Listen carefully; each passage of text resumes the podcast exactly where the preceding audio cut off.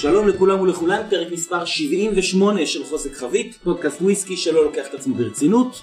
אה, והיום, קודם כל אני כבר אומר, אה, תהיה לי חפירה, אבל את החפירה הזאתי אני הולך לעשות בסוף הפרק, בגלל שאני כבר בזבזתי פרק זמן הגון מאוד של האורח שלי, אז אנחנו נתחיל ישר עם זה ואני אוכל לכם את הראש אחר כך. אה, שלום לדוקטור ניר דותן, שלום. מזקקת האינשוף השיכור. כן. שלום, שלום עומף, אני שמח מאוד להיות פה. תודה רבה, אני שמח שהגעת, זה היה צריך לקרות כבר מזמן, כן. אבל uh, אתה איש עסוק ואני איש uh, מסתבר לא רק uh, uh, עסוק, גם לא מסודר. כפי שהדגמתי לך. עכשיו חצי שעה של ריצות uh, אחרי כן, סוללות כן. וקשקושים. זה החיים.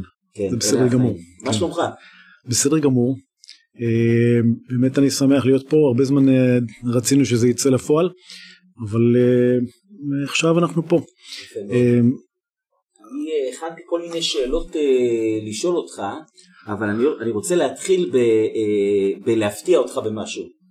ה, אה, המפגש הראשון שלי עם אה, מה שאתה עושה היה באיזשהו אופן, אה, קפץ לי ה, אה, הלוגו הקודם שלכם. והלוגו הקודם מאוד עצבן אותי, ואני אסביר לך למה.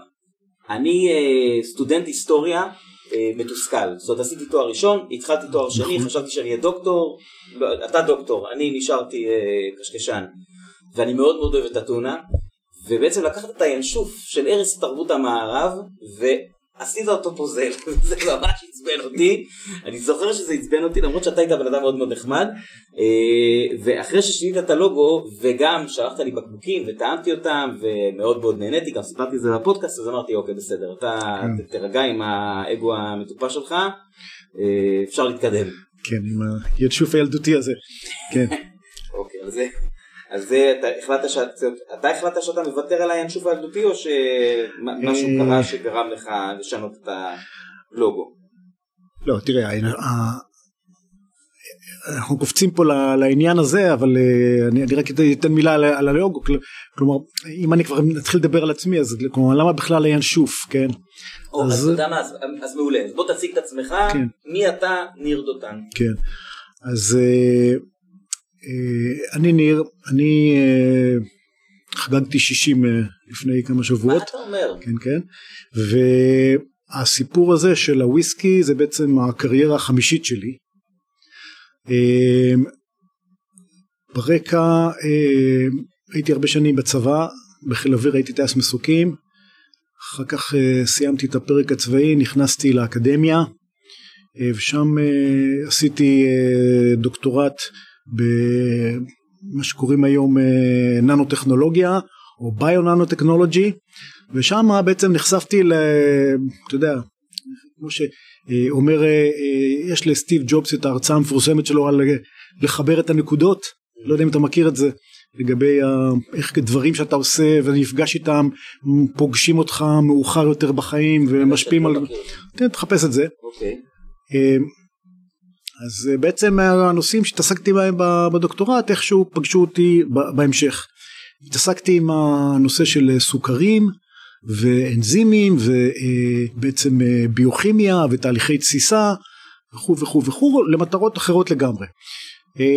אפשר לשאול איזה, או שזה תחת סודיות או משהו? לא לא לא תחת סודיות במטרות אה, כדי אה, לבנות אה, מבנים סופרה מולקולריים מחלבונים שנובעים מכך שיש לה סלף אסמבלי של מולקולות אה, כתוצאה מאינטראקציות בין סוכרים לחלבונים ונוצרים מבנים גבישיים מסודרים שיש להם שימושים כאלו ואחרים. אז בזה ביליתי בערך חמש שנים מחיי על העניין הזה ובעצם אה, אחרי האוניברסיטה אה, הלכתי בעצם לתעשייה. אה, הייתי יזם יזם שותף הקמתי חברה שנקראה Glycominds ועסקנו בתחום הדיאגנוסטיקה. כלומר פיתחנו גם כן אה, שוב פעם על בסיס אה, סוכרים אנטיגנים סוכריים איזושהי טכנולוגיה שמאפשרת לאפיין את פרופיל הנוגדנים כנגד סוכרים שיש לנו בדם שזה בעצם פרופיל הנותן מבט לגבי התפקוד של המערכת החיסונית. נשים את זה בצד. באיזה אה, שנים זה קרה? זה קרה אה, לפני לש- הקורונה. לפני הקורונה בטח זה קרה אמרתי שאני בן 60 זה קרה בשנת אה, 2000 עד אה, 2013 אה אוקיי זה כבר כן. זמן משמעותי שעסקת בדבר הזה. כן כן זה פרק זמן מאוד משמעותי אה, ושם אה, רגע אני חושב אחורה זה אומר שהעיסוק שלך בננו טכנולוגיה היה בזמנים היה מאוד בזמנים- מהיום. נכון נכון מה שנקרא בכלל לא ידענו שקוראים לזה ביו ננו טכנולוגי זה המציאו אחר כך את השם הזה אבל זה בעצם אה, מה, ש, מה שעשיתי למדתי באוניברסיטת תל אביב אצל פרופסור עמיחי פרימן שהוא מאבות הביוטכנולוגיה בישראל ואני זוכר את הקורס אה, הביוטכנולוגיה הראשון שנכנסים ואז הוא מתחיל אוקיי מה זה ביוטכנולוגיה האשורים עשו אה, התפיחו את הלחם ועשו בירה וזה היה ראשית הביוטכנולוגיה. אה, לא ידעתי שאני אפגוש את זה אחר כך בהמשך. אה, אז אה, אה, אז זהו אז ב- ב Glycominds אה, הייתי אה, יזם שותף אה, פיתחנו את הטכנולוגיה מאפס אה, לקחנו אותה לכיוונים של אה, אה, יישומים דיאגנוסטיים אה, פיתחנו מוצרים תהליכי ייצור רגולציה חברה גדלה אפילו הצלחנו להנפיק בבורסה בתל אביב אבל בסופו של דבר קשיים כאלו ואחרים אחרי 13 שנה בעצם מכרנו את המוצר ועברתי לפאזה הבא- הבאה בקריירה שלי. המשכתי לעבוד בתחום הזה לנהל פיתוח ולהיות CTO במספר סטארט-אפים אחרים. ובעצם uh, באיזשהו שלב uh, עברתי כלומר סיימתי עם האזור עם הקטע הזה של להיות בעצם hands on על, ה, על הפיתוח ועברתי לעסוק במה שאני עוסק בו עד היום בנוסף לסיפור של המזקקה שזה בעצם אני אה, ברשות לחדשנות. אני בעצם אה, מעריך אה, פרויקטים ונותן אה, אה, אתה יודע יש רשות לחדשנות היא תומכת בחברות שעושות מחקר ופיתוח ובעצם מישהו צריך להחליט אה, האם לתת להם את הכסף לא לתת את הכסף כמה לתת שווה לא שווה. אז אה, אני חלק מצוות אה, של הבודקים שעושה את זה.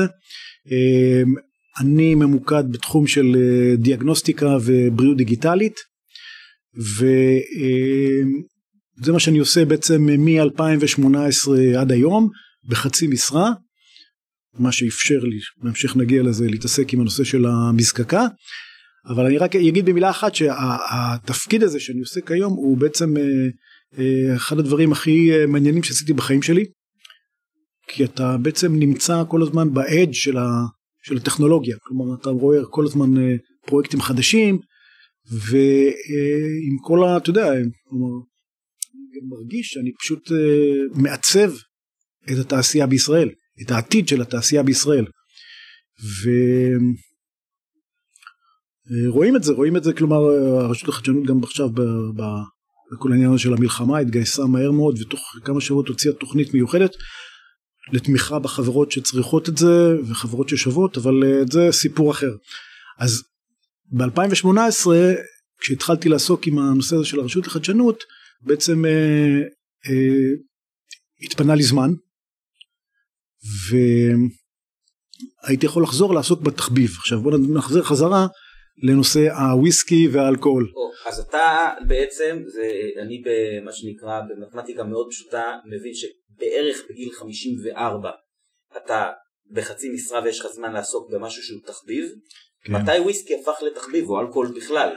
אז זהו אז אה, אה, כשהייתי בדוקטורט אז עשיתי מחקר אז עבדתי אתה יודע בין השאר אתה עובד בידיים. ואני מאוד אוהב לעבוד בידיים. אה, לא רק אה, המחשב. עכשיו כשהתחלתי להיכנס לתעשייה אז אה, עסקתי בעיקר בניהול פיתוח מחקר, מחקר ופיתוח והקטע של אתה יודע לערבב דברים להרגיש שאתה עושה משהו להיות מייקר היה לי חסר. אז אתה יודע אתה עובד ב- לנהל אנשים עובד על המחשב היה לי מאוד חסר אז בבית פשוט התחלתי בתור מין uh, סתם איזה מין גחמה כזאת התחלתי לעסוק בזיקוק שמנים אתרים מצמחים אתה יודע בניתי לי איזה מין uh, מזקקה קטנה מזכוכית ושיחקתי עם זה וה... אתה יודע מאוד כלומר נהניתי מהעניין הזה. התוצאה של אה, התהליך הזה בעצם היא יכולה לשמש אותך למה? נגיד לפרמקולוגיה? למשל לפרמקולוגיה קוסמטיקה כלומר אותם שמנים ארומטיים שמשמשים בארומתרפיה הם כולם בעצם אה, דברים שנמצאים בתוך הצמחים אבל עושים תהליך של זיקוק שהוא מאוד דומה לזיקוק של האלכוהול.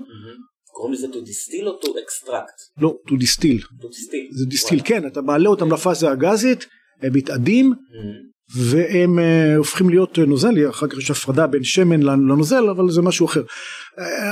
מה שקרה בסופו של דבר זה שאתה יודע יש לי ילדים קטנים אני נשוי ויש לי שלושה ילדים היום הם כבר לא קטנים אבל אחד מהם הוא היה קטן ויש את השלב הזה שמזמינים את ההורים לבית ספר אז כל הורה נותן הרצאה על אתה יודע העשרה לתלמידים על מה הוא עושה ואני הייתי בתחום של הרפואה ושל התרופות ושל המחקר וזה אז אמרתי אוקיי אני אעשה הדגמה על, על תרופות פיתוח תרופות ואני אקח אותם אחורה לזמן העתיק שבה בעצם אתה יודע לימי הביניים האלכימאים התחילו עם הזיקוק אני אעשה להם הדגמה בכיתה של אה, זיקוק על השולחן.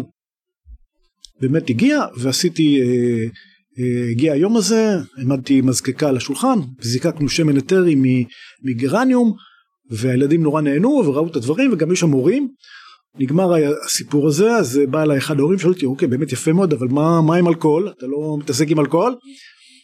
אני עד אותו רגע בכלל לא נגעתי באלכוהול אמרתי לו אוקיי זרק את הרעיון. לא שתית אלכוהול? אז זהו לא שתיתי אלכוהול אני אסביר לך מה, מה, מה קרה כי כשהייתי נער אני בגיל 15 בערך אני חוויתי על הרעלת אלכוהול. מי לא? מי לא כן אז אני... דרך אגב, מסתבר סטטיסטית ש-98% מההרעלות האלה בדור שלי קורות בחוף לבנון בטבריה. אוקיי, אז אצלי, אתה יודע, אז אני טיפוס של מדען, אז אצלי זה התחיל בזה, אתה יודע, יש מסיבות בגילאים האלה, והחבר'ה שותים ומשתכרים, ואני שיכור, אני לא שיכור, אני לא האמנתי, אמרתי, מה, מה זה הדבר הזה? אני חייב לבדוק את זה. הלכתי לסופר, קניתי בקבוק של וודקה קגלביץ' בטעם לימון. ונכנסתי לעליית הגג אצל ההורים שלי, מזגתי לעצמי כוס, שתיתי כוס מלאה, שורף קצת וזה, אבל לא מרגישים כלום. אוקיי, עוד כוס, לא מרגישים כלום. קיצור, בסופו של דבר, אחרי איזה חצי שעה אני חטפתי אותה בגדול, הקאתי והייתה לי hangover כזה חזק, שבמשך 25 שנה אחרי זה לא הייתי מסוגל לגעת באלכוהול. ורק אה, רק בגילים מבוגרים באזור גיל ה-45 אתה יודע בנסיעות עבודה ופגישות ואירוחים במסעדות אז יצא לי לשתות איזשהו יין טוב ב, ב, בצפון ארצות שם בוושינגטון ואמרתי וואלה יש פה לא הכל קגלביץ' כן לא הכל קגלביץ' כן. יש גם אחרים אה. אז אה, משם התחיל הסיפור, חזרתי בעצם לאלכוהול, אבל גם כן עדיין לא שתיתי ולא זה. אה, אתה יודע, נגיעה פה, נגיעה שם. ו, אה, ואז התלבש הסיפור הזה של ההורה הזה, והתחלתי להתעניין בתחום הזה, ואני זוכר שנתקלתי בתקופה הזאת באיזה מין מגזין עם תמונה, אתה יודע, היום כבר אין מגזינים כאלה, אבל מגזין כזה, עם תמונה יפה של אה, של פנים של מזקקה סקוטית עם הדודי זיקוק עם ה... אתה יודע, הצורה האלגנטית שלהם והנחושת המבריקה הזאתי. אני חושב שזה נורא הרשים אותי כל הסצנה הזאתי. אני רוצה כמדען. הרשים אותי כמדען. כן כן בכלל כדאי להגיד כלומר אני אני כל גם גם הנושא של הייצור של האלכוהול וגם הנושא של, ה, של הטעמים שלו אני מסתכל על הכל מהזווית של המדען. ובגלל זה אני אומר הינשוף כי אני רואה את עצמי כינשוף.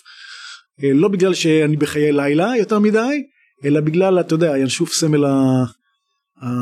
הסקרנות הידע אז, אז אני זה אני אם היית שואל אותי איזה חיה אני אני ינשוף לא דוב לא דולפין mm-hmm. לא אריה זה אני. ובעצם הפעם הראשונה שנתקלתי בוויסקי זה היה חבר הביא באמת פה את ה...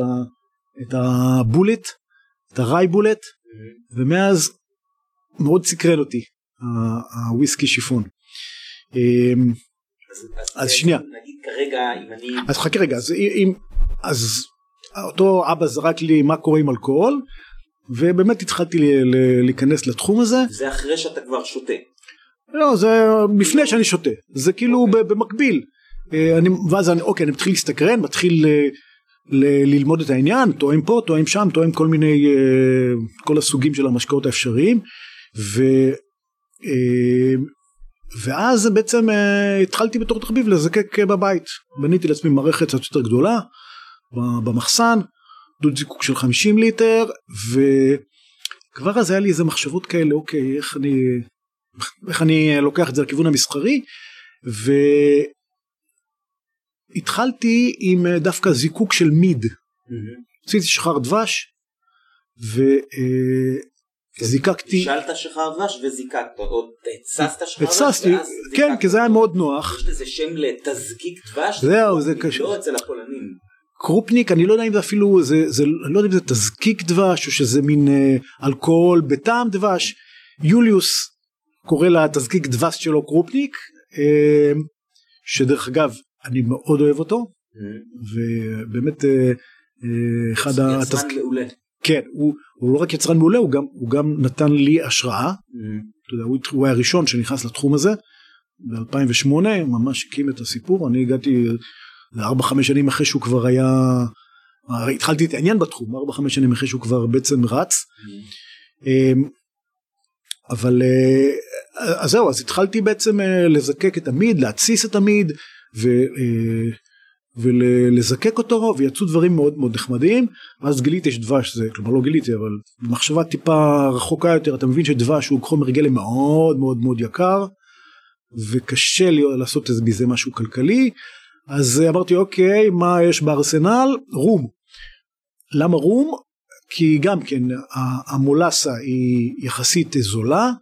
השלבים הם אה, אין, אתה לא צריך לעשות את כל נושא של המשינג וה, והבישול אה, אז אה, היה לי נוח מאוד להתחיל עם זה והתחלתי לעשות רום אה, בבית קניתי קניתי מולסה והתחלתי במחקר ואתה תוך כדי זה תואם סוגים של רום כדי כן. להבין מה הסגנון שאתה רוצה לעשות. כן כן תוך כדי זה אני טועם סוגים של רום אני מבין את ה... אני מבין את ה... את ה... כלומר את הרום אגריקול אה, טעמתי קצת אבל הבנתי שזה לא יהיה ריאלי כי לא מגדלים. ולא... אה, לא כי אין אין אה, אין להשיג אתה צריך לגדל שיהיה לך עשרות דונמים של קנה סוכר ולהיות חקלאי וכל הנושא של הרום היה, נחמ... היה כאילו היה לי אטרקטיבי בעיניי כי אין פה עיסוק עם יותר מדי ביומאסה מבחינת תהליכי ייצור אתה לוקח את המולאסה מועל אותה במים מתסיס ואתה בעצם נשאר בלי עניינים. ואז נכנסתי עמוק לתהליכי הייצור של הרום ואתה יודע כמו מדען הסתכלתי על כל מיני אה, מאמרים וחפרתי אחורה בהיסטוריה הבנתי שבעצם כל הנושא המיקרוביאלי הוא מה שנותן לרום את הייחודיות שלו התחלתי לפתח את התהליך הזה ייצרתי לעצמי אתה יודע את הדנדר שלי. אה, הדנדר זה לכל המאזינים שלא מכירים זה בעצם המין אה, סטוק. זה כמו כן המחמצת עצמה כאילו הסטוק של החיידקים ש, שנותנים את הטעמים בהמשך אז התחלתי לגדל אותו בעצמי בבור בגינה. אתה מסתכל על הכתבים ה- שאומרים אוקיי איך עושים רום? אז אומרים אוקיי תתחיל בזה שאתה שים בור באדמה תזרוק לתוכו אה, חמישת אלפים וראש של עז ו, ותן לזה זה ומשם לוקחים את ה... את המגוון חיידקים שאחר כך נותנים את העושר המולקולרי בתסיסה. אם אני זוכר נכון דנדר בעיקר היום יפה הוא ג'מייקני. כן בדיוק וזה הרום שאליו אני כיוונתי ואליו אני מנסה להגיע ועדיין. ועדיין כן כן הרום הזה מת- מתאפיין בתסיסות מאוד ארוכות תסיסות פתוחות אה, עם הרבה חיידקים וייצור של אסטרים ואני חייב להגיד שקשה לשלוט בזה כי אתה לפעמים מקבל טעמים אה, מאוד אה, מוזרים אבל אה, זה מסתדר זה מתעדן בסוף עם, עם העישון. אבל נחזור אחורה אז כל זה קורה בעצם ב, ב, במחסן שלי אני מייצר רום ומייצר רום ומשחק עם זה ו, ולאט לאט אה, העסק הולך ותופס צורה יש מישהו ב- נקרא לזה מקהילת הרום. זהו. שזהו. את זה ואומר וואו יופי אתה בכיוון הנכון. זהו אז אה, אני חייב אה, תודה לנמרוד נמרוד רוזנבלט נמרוד רוזנבלט. כן כן אז אה, נמרוד אתה- אתה תצטרך להגיע לפרק. כאילו. כן כן ברור שהוא צריך להגיע אז הוא אה, בעצם יצרתי איתו קשר כאילו אה, כי גיליתי אותו בעקבות הפעילות שלו ברשת אתה יודע מה, אולי זה זמן טוב אה, לספר, נמרוד הוא מראשוני המזקקים אה, כן. בארץ, אה, היה לו אה, בלוג בשם בעליית הגג, הוא ואחיו הכינו כל מיני דברים, כן, אני כן. יצא לי אה, אה, אני חושב של ליקר פיטנגו וקרמבולה, ו- כן. והוא עשה ברנדי אה, תות עץ, כל מיני כאלה. כן כן הם עשו אה, דברים אה, פורצי דרך כן. ובין השאר הם עושים אה, רום והוא אה, מבין גדול ברום. והוא אה, אז זהו אז אה, את אחד מהבצ'ים הראשונים בעצם אה, נתתי שלחתי לו כמה דוגמאות והוא אהב את זה ובעצם אה, אה, ניגשתי אז לתחרות טרה וינו. מהמם. זה תראה, הייתה ממש לפני שבוע אני חושב. כן יש כל שנה כן. אבל אה, אני חושב שב-2019 פתחו את זה פעם ראשונה למין אה, פתחו קטגוריה של אה, תזקיקים ישראלים. של תזקיקים אה, ביתיים או כל מיני כאלה זהו אז אני זוכר שהלכתי שם ל- ליוסי גן מהמם. ב... ב... איש הענבים. כן חיים גן. חיים גן נכון חיים גן כן והוא טק מסתכל מריח את הבקבוק נתתי לו את הדוגמאות יאללה כנס לתחרות ובאמת קיבלתי מדליית אה, זהב על הרום וזה אמרתי אוקיי מפה אני עכשיו רוצה לקחת את זה קדימה שנה 2019 ו... אתה כבר שנה בחצי משרה. ואני כבר שנה בחצי. מס... כן יש לי זמן להתעסק עם זה מהמם. ואני חושב איך בעצם עכשיו אני לוקח ומרים מזקקה עכשיו אה, כשאתה מתחיל לעשות תוכנית עסקית של מזקקה אתה מהר מאוד מבין שיש פה השקעה גדולה מאוד מאוד מאוד מאוד מאוד עכשיו לא לא שהיה לי את המשאבים האלה כמו שנניח למיל קנני או משהו כזה אני הבנתי שאני צריך לעשות את זה אתה יודע מן היקב ומן הגורן לעשות איזשהו מין bootstrap כזה והדרך ה... ככל שחשבתי על זה הדרך היחידה הייתה בעצם לחבור ל... למקום שיש לו כבר סוג של תשתיות. או במילים אחרות מבשלה. מבשלה כן כי מבשלות היו כבר בארץ.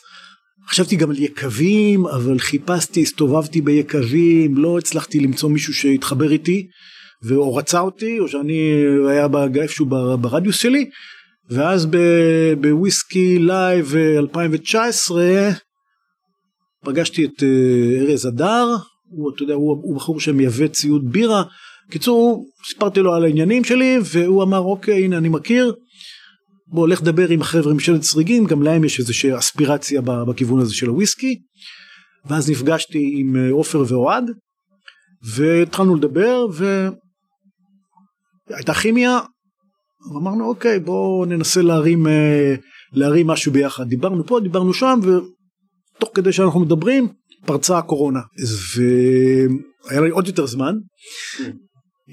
למרות שמה שאתה עשית ברשות החדשנות או עושה מאוד אה, מתאים ל- לקורונה, לא? כן כן בק- בקורונה האמת שספציפית בחודשים הראשונים של הקורונה זה היה טירוף מהמם. כי היה המון אה, המון פעילות סביב העניין הזה בשביל אה, לנסות לקדם דברים אבל אז החלטתי שברגע שקיבלתי מהם את האוקיי הסופי שהולכים על זה פצחתי ב...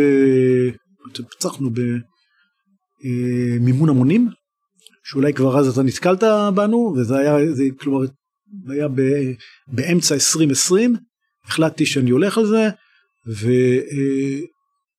והחלטתי שאני אה, הולך על רום ועל וויסקי שיפון תכף נדבר למה ועם זה התחלנו עם מימון המונים. עכשיו באותו, באותו שלב אה, וויסקי שיפון לא הייתי לא היה לי ניסיון בייצור וויסקי שיפון.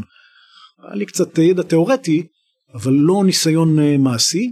התחילה אה, כלומר בעזרתם ה- הממש אה, חשובה של אה, קהילות הוויסקי בישראל בפייסבוק הצלחנו להרים את, ה, את הקמפיין הזה.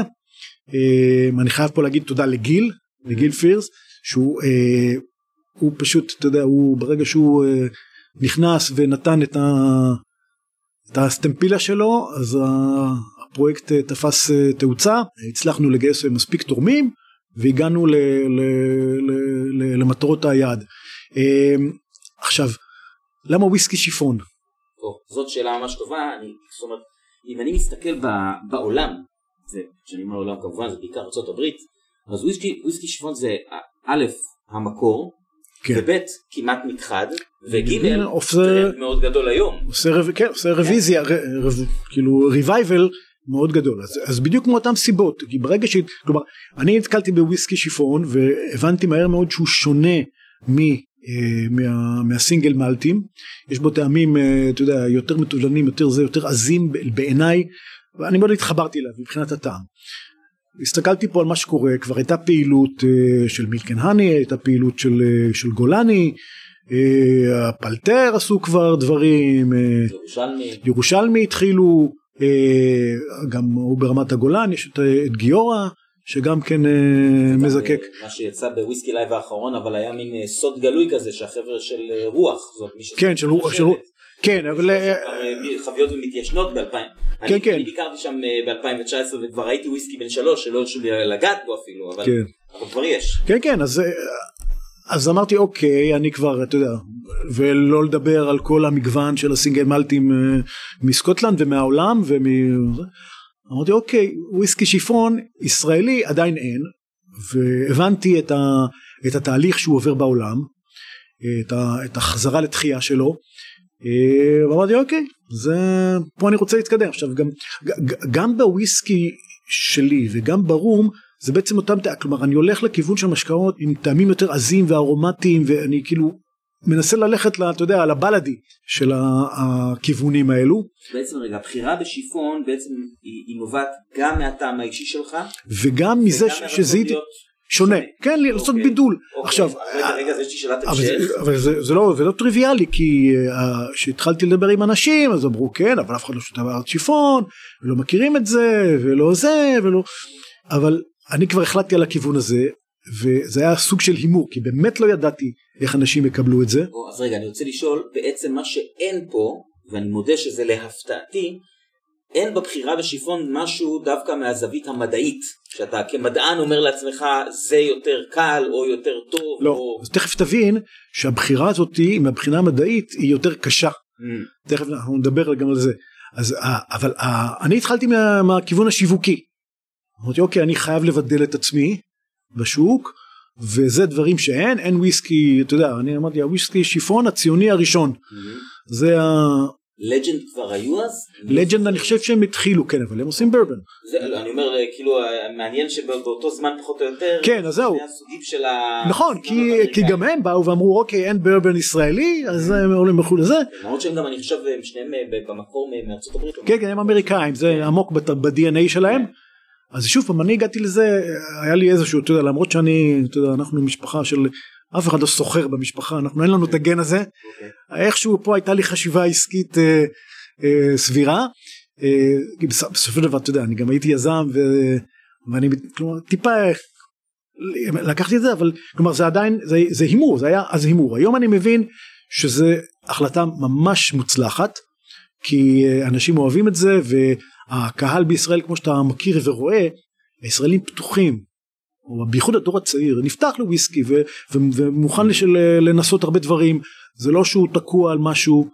אז... ברגע שהשינוי הגדול זה שאנשים היום א' מוכנים לקנות בקבוק אחר מהרגיל שלהם כן. וגם קונים יותר בקבוקים. כן. אז יש, אתה, אתה הרי בסופו של דבר לא צריך יותר מנגיד 100 אנשים בחודש שהחודש הבקבוק שהם יקנו זה הבקבוק שלך. כן. זה משהו, היית אומר את זה לפני איזה 15 שנה או 10 שנים, אני מבחינתי הייתי אומר לך אתה מדמיין. נכון. אנשים קונים את הבלק לייבל ואת השיבאס והם לא יזוזו בחיים. נכון, אז, אז נכנס פשוט דור חדש, אתה יודע, אתה רואה חבר'ה בני אפילו, בני 25 אפילו, שנכנסים לעניין וכאילו נכנסים לעולם הזה ו... ואתה יודע, גדלים איתו ומוצאים בו עניין וזה חלק מהלייפסטייל שלהם. המידע נגיש להם יותר, כן, יש להם כן. יותר מגוון על המדף, יש יותר ברים, יש מקומות לטעום, חד משמעית. כן. אז אה, אז בעצם מתי אתה מתחיל אה, לעבוד אז זהו אז אתה מבין אז שבאמצע אה, ביולי 2020 התחלנו את הקמפיין מימון המונים והכל היה בעצם vision כלומר אני אמרתי אוקיי אני הולך לעשות את לעשות וויסקי שיפון ו, ורום. רום הייתי קצת יותר בטוח עם ניסיון אבל עם אתה יודע עם קצת חוצפה ישראלית אמרתי אני אעשה גם את הוויסקי שיפון ואז שצללתי לעניין הזה גיליתי שיש פה אה, מורכבות. אה, עכשיו למה מורכבות? אה, השיפון הוא דגן אה, מיוחד. כלומר יש לו אה, הרכב, פה אני סליחה שאני טיפה צולל לרקע מדעי. כן. אה, ההרכב של הפוליסחרידים שנמצאים בו הוא שונה מזה של השעורה. כלומר אבל אני לא מדבר על הפוליסחרידים על העמילן שמשמש לתסיסה אלא יש לו כל מיני מסביב כל מיני פוליסחרידים אה, אה, אה, מסוג בטא גלוקנים וקסילומננים שהם אה, אה, בעצם יש להם תפקידים מבניים אה, בצמח עצמו אבל כשאתה עושה תהליך של mashing הם יוצרים בעיה כי הדברים האלה הופכים להיות בצק. כלומר אם אתה אה, לוקח אה, לתת שעורה ועושה לה את הבישול ועושה לה את ה mashing אז אתה מקבל נוזל. סמיכות טיפה עולה אבל לא משהו דרמטי. בשיפון ברגע שאתה מגיע ל-55 מעלות אז יש תהליך של ג'לטיניזציה של כל הסוכרים של כל הפוליס החרדים הלא לא זמינים לתסיסה. הם מתפרקים הופכים להיות מין רשת כזאתי וזה הופך להיות אייסה בסייסה אם זה היה נוזל אתה מסוגל לערבב את זה פתאום זה הופך להיות אה, אתה יודע ג'ל כזה. בפשטות אתה סותם לעצמך את המערכת. אתה סותם לעצמך את המערכת ואתה חייב לדעת. אני חושב שיש את העניין הזה גם בשיבולת שועל. נכון נכון גם באות. זה שיבולת שועל מה קורה בשיבולת שועל אתה מבשל זה הופך להיות דייסה. זה בדיוק אותו דבר. זה בדיוק אותו אותם תהליכים. אנחנו אומרים באמריקה שהרעי הוא made of distillers tears זה העניין הוא דורש בעצם אה, יכולת אה, אה, אתה צריך לדעת כלומר גם שיהיה לך ציוד מתאים וגם לדעת איך לעשות את זה. אתה יודע אז לא היה לי מאף אחד לא היה לי ממי ללמוד.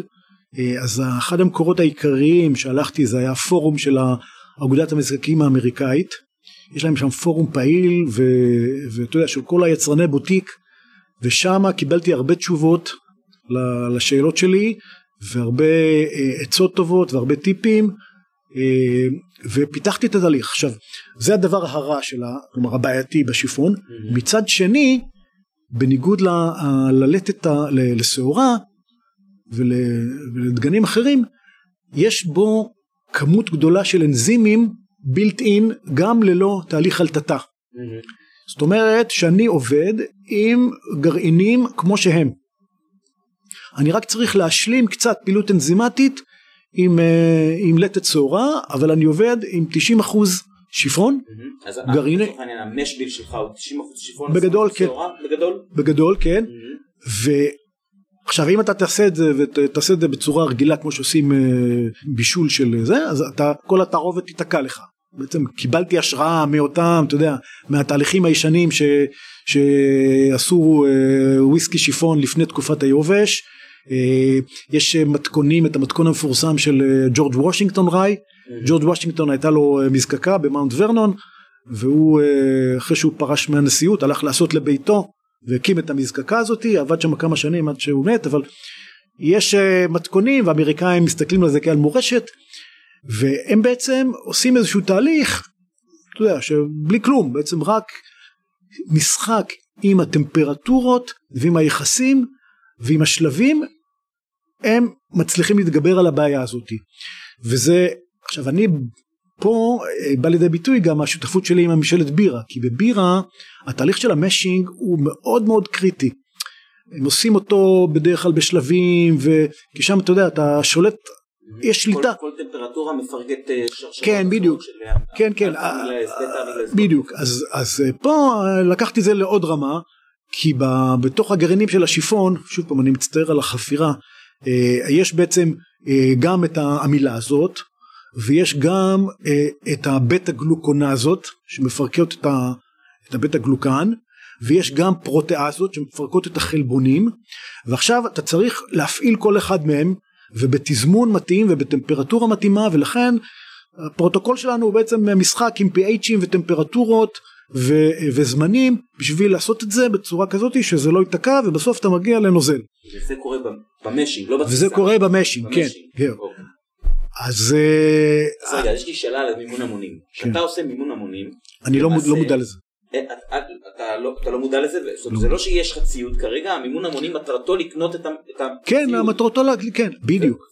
ואז אז אתה קונה ציוד ומתחרט או שאתה אה, קונה ציוד ואומר אה, לא, אוקיי, אני, אני, אני החלטתי שאני רוצה להיות אה, בשלב זה החלטתי שאני קניתי ציוד שיהיה כמה שיותר ורסטילי. אז אמרתי אוקיי אני רוצה שליטה טובה אז קניתי הדוד זיקוק אנחנו נגיע אליו אבל יש לו דופן חימום עם דופן כפולה, Mhm. עם בן מרי, עם מים, זאת אומרת יש שליטה מאוד מאוד טובה בטמפרטורה. אה, יש לי מערבל שהוא קריטי, Mhm. מערבל נמצא בתוך הדוד בעצם. בתוך הדוד זיקוק, כן, ו, אה, אה, ויש לי גם עמודת זיקוק אבל נדבר עליה בהמשך, אני לא יודע, נשים את זה רגע בצד, אנחנו עדיין מדברים על התהליך. אז התחלתי ללמוד את העניין והזמנתי את הציוד, מי- ממי הזמנת את הציוד? אה, אז זהו, חלק מהציוד אה, הזמנתי באלי אקספרס. יש שם, אתה יודע, יש, גם את זה יש שם, Mhm. אה, יש אה, חנויות, יש אה, ספקים אה, אה, רוסים, או לא- יש, אה, אתה יכול לקבל ציודים לא רק ברמה של ציוד ביתי. אלא ברמה של ציוד אה, תעשייתי. אה, חלקם באיכות כזאת, באיכות אחרת, אבל את הדוד זיקוק עצמו קניתי דרך ארז אדר, שהוא יבואן של מבשלות, ציוד למבשלות בירה בעיקר. וגם אחרי שהוא, אחרי שהוא הביא לי את המזקקה הגדולה, הוא התחיל גם להביא מזקקות לכמה מקומות אחרים, הוא הביא למזקקה בעמק הירדן, זאת שעושה עובדת עם התמרים. אה, אולגר. לא, אולגר, לא, לא, אולגר זה ברמת הגולן. אה, אה, סליחה. יש בעמק הירדן, אני לא יודע איך הם קוראים לעצמם, הם עושים אה, תזקיק מתמרים. אני חושב שזה בסיס לג'ין, אבל יש להם מערכת יפה, מערכת גדולה. מנצלים את החומר גלם, את אתה יודע, את הסוג בתמרים, ו- אבל קיצור, הוא, הוא, עבדתי איתו הרבה, אתה יודע, בסין יש לך את הכל, יש לך גם ציוד אה, באיכות מאוד מאוד גבוהה, אתה משלם עליו בהתאם, וגם ציוד זבל, אז אה, הוא הכיר את הספקים שלו, וביחד אה, אפיינו את, ה, את המערכת שלי עד רמת השסתום והברז וה, והמיקום של כל דבר ובניתי את המערכת הזאתי. התקציב היה עדיין יחסית מוגבל אז את הדוד זיקוק קניתי במימון המונים בחלק מהתקציב. את שאר הדברים את העמודת זיקוק אה, בעצם אה, הרכבתי מחלקים שונים אה, שמספקים שונים באינטרנט ואת המעבה שזה משהו זה גם קטע כי נגמר לי התקציב כבר במעבה Mhm. לא- אז היה לי מעבה קטן שמהר מאוד הבנתי שהוא לא, הוא לא יחזיק מים בעוצמות שם אז חפרתי שם בפורומים של ה American Distillation Association וראיתי שאנשים אה, התחבטו באותה בעיה כמוני והציעו פתרון. מתברר שיש אה, מחליפי חום של בריכות שחייה. אתה יודע באמריקה יש הרבה בריכות שחייה ביתיות. Mhm. מחממים אותם. אז מחליף חום זה בעצם מעבה. Mhm. אז יש כאלה, קיצור במקום uh, להשקיע uh, 5,000 דולר בשביל מעבה, סגרתי כולל הובלה 500 דולר מסין, מעבה מסטיילן סטיל, ואני לא יודע אם אתה רואה אותו בתמונות, ראית תמונות של המערכת שלי? כן, אבל מזמן, אני לא זוכר את זה. הוא ענק, הוא יש לו כוח קירור, אה, הוא, יתאים גם לדוד אה, גדול. אוקיי. מסטיינלס סטיל דווקא. לא מסטיינלס סטיל. לא. לא, לא מנחושת, כן. אה, הוא- עובד כמו שלן טיוב או... הוא של טיוב, אבל הפוך, לא, בשל- של- הוא טיובן של העדים זורמים בצינורות הפנימיים Mhm, אוקיי. ומבחוץ אה, יש מים. קרים. עכשיו Mhm. גם כן אה, שוב בשביל לחסוך בהוצאות אז הייתי צריך לקחת אה, לעבוד על מי ברז. ובגלל שאני עובד על מי ברז אז אני צריך מעבה שיהיה לו כושר קירור גדול. כי הוא צריך לנצל הפרשים קטנים בטמפרטורות. לא אין. לי צ'ילר. אין לי צ'ילר בדיוק. אז אני צריך אתה יודע מקבל מי ברז 20 ומשהו מעלות אז אני צריך לנצל הפרשים קטנים אז בגלל זה הוא צריך שטח פנים גדול ואז הוא מאוד יקר Mhm. ראיתי שזה לא עובד אתה יודע אה, ככה יצאתי מזה אה, וזה וזה עובד מצוין יש לו ממש אה, יכולת טובה אז באיזה שלב המערכת עומדת ואתה מתחיל לזקק? זהו אז בשלב בשלב הזה בעצם בדצמבר אה, 2020 אה, הזמנתי את הציוד איזה חודש חודשיים אחרי זה זה הגיע ואז בתחילת 21 התחלתי אה, לעשות אה, תהליכי ייצור Mhm. ההימרום היה יחסית קל כי כבר הכרתי את זה אז זה, זה עבר יחסית חלק אה, ועם הוויסקי זה לקח לקח לקח כמה חודשים טובים של אה, ניסיונות שהניסיונות האלה בעצם כוללים מה? אתה קודם כל מבחינת המתכון אתה משנה את המש כן? כן בטח אני משנה אוקיי. כלומר בעיקר ה- המש ביל אבל בעיקר החלק העיקרי זה היה הנושא של המשינג Mhm. להתגבר על להגיע למצב שאתה מקבל אה, אתה יודע מש שהוא נוזלי כי אחר כך אתה, אתה גם לא יכול לקרר אותו, אתה צריך בסוף לקרר אותו. אתה, הוא צריך לעבור למכלית. בטמפרטורה, אה, מה 70? כן. 75 75 מעלות, כן. ניסה להוריד אותו ל-20, ל- 25. כן כן ואתה יודע בהתחלה אמרתי אוקיי נשים overnight זה יתקרר איפה אחרי ארבעה ימים זה אתה יודע זה נשאר באותה טמפרטורה. כן כי זה כי הוא, גם יותר סמיך Mhm. וגם הוא אה, עדיין קצת חי, עדיין יש שם אנרגיה. כן כן הוא, הוא לא אתה יודע זה לא אין שם זרימה טובה של האנרגיה נשארת בפנים כי אין. המים לא זורמים שם Mhm. הוא יחסית אה, זה אוקיי. אז אה, היה צריך שם לתפור את כל התהליך הזה ולהשלים ציוד, קניתי מחליף חום גם כן שהיה במחלבה, שימש לי אלף פיסטור של שמנת, קניתי אותו גם כן במחיר ממש זול, והעמדתי מערכת והעמדתי תהליך, לקח כמה חודשים טובים, וכמובן הזיקוק ולהבין ולהתחיל לעשות את ה... את ה זה, אז זה אולי זמן לדבר על התהליך של הזיקוק עצמו ועל הדוד עצמו. כן. מאיפה אתה קונה דגנים? זאת אומרת השיפון שלך הוא... כן, השיפון שלי הוא מיובא, שיפון זה דגן שגדל רק בארצות קרות ורטובות, צפון אירופה ו- וכו', וצפון אמריקה, דרך אגב לא אמרנו ואנחנו רואים עכשיו גם יותר ויותר, זה- לא עדיין הרבה, אבל גם בסקוטלנד פתאום אנחנו רואים כבר וויסקי שיפון. בוכבדי עשו אחד, יש את אינץ' דרני, זאת אומרת כן. אה, זה- זה כן, הם- משהו שחוזר אה, לא רק בארצות הברית. מהמם, כן, וברור למה, אתה יודע, זה עוד מוצר, מוצר שהוא מעניין, מוצר שהוא טוב, יש לו סיפור נחמד והוא... אני מבין בהחלט למה הם עושים את זה, אבל אני קונה גרעינים מיובאים, אני קונה פשוט גרעינים, אה, גם כן, בגלל שזה לא לטת, אז יש פה עלות יותר נמוכה, אה, אז זה מאוד נוח. אה, שני, יש, אתה משלם על זה במקום אחר, אין מה לעשות. כן. אה, אז הגרעינים מיובאים, אה, איפשהו ממזרח אירופה, הפעם האחרונה שקניתי זה היה מאוקראינה, אני לא, כלומר, אני עושה את זה דרך יבואן בארץ, אני לא מביא מכולות, אבל אה, אתה יודע, אה, קמח שיפון, כלומר אה, מי שמביא שיפון לארץ, ל- לתעשיית הלחם, ממנו- אה, ממנו אני קונה. אוקיי. כן. אז בעצם אתה מקבל את הגרעינים, אה, הם מגיעים למבשלה, מבשלה. במבשלה אתה עושה את התהליך של כן. המשי, בציוד שלהם, בציוד שלהם כן, אה, גורסים את הגרעינים, ואז אנחנו עושים את התהליך של הבישול, עם המשחקים, עם הפרוטוקול שפיתחתי, ומעבירים את זה לתסיסה. כמה זמן עורכת התסיסה אצלך? כן, אז זהו, התסיסה אצלי היא כמו, אתה יודע, כמו שעבדו ב... לפני הפרויבישן, אני עובד עם מכלים פתוחים, אמנם לא מעץ, כמו שעבדו אז, אבל אה, מכלי נירוסטה פתוחים, שהתסיסה היא לוקחת באזור שבועיים, כן. היה איזשהו ניסיון אה, מצד המבשלה להגיד לעצמך, לך משהו כמו נגיד בוא, בוא נשמור חלק מהתוצר ונעשה ממנו בירת שיפון או משהו כזה? היה איזה משהו כזה? אה, כן, הם, הם לא, אולי כן, אולי בהמשך, אבל אני יודע ששיפון, מוסיפים אותו כתבלין שם לבירה, שמים זה 10 אחוז, 15 אחוז במשביל, אבל מצד שני יש הפוך, אני רוצה, אני מזקק בירות גם. Mm, אוקיי, זה- הבנתי. עובד טוב.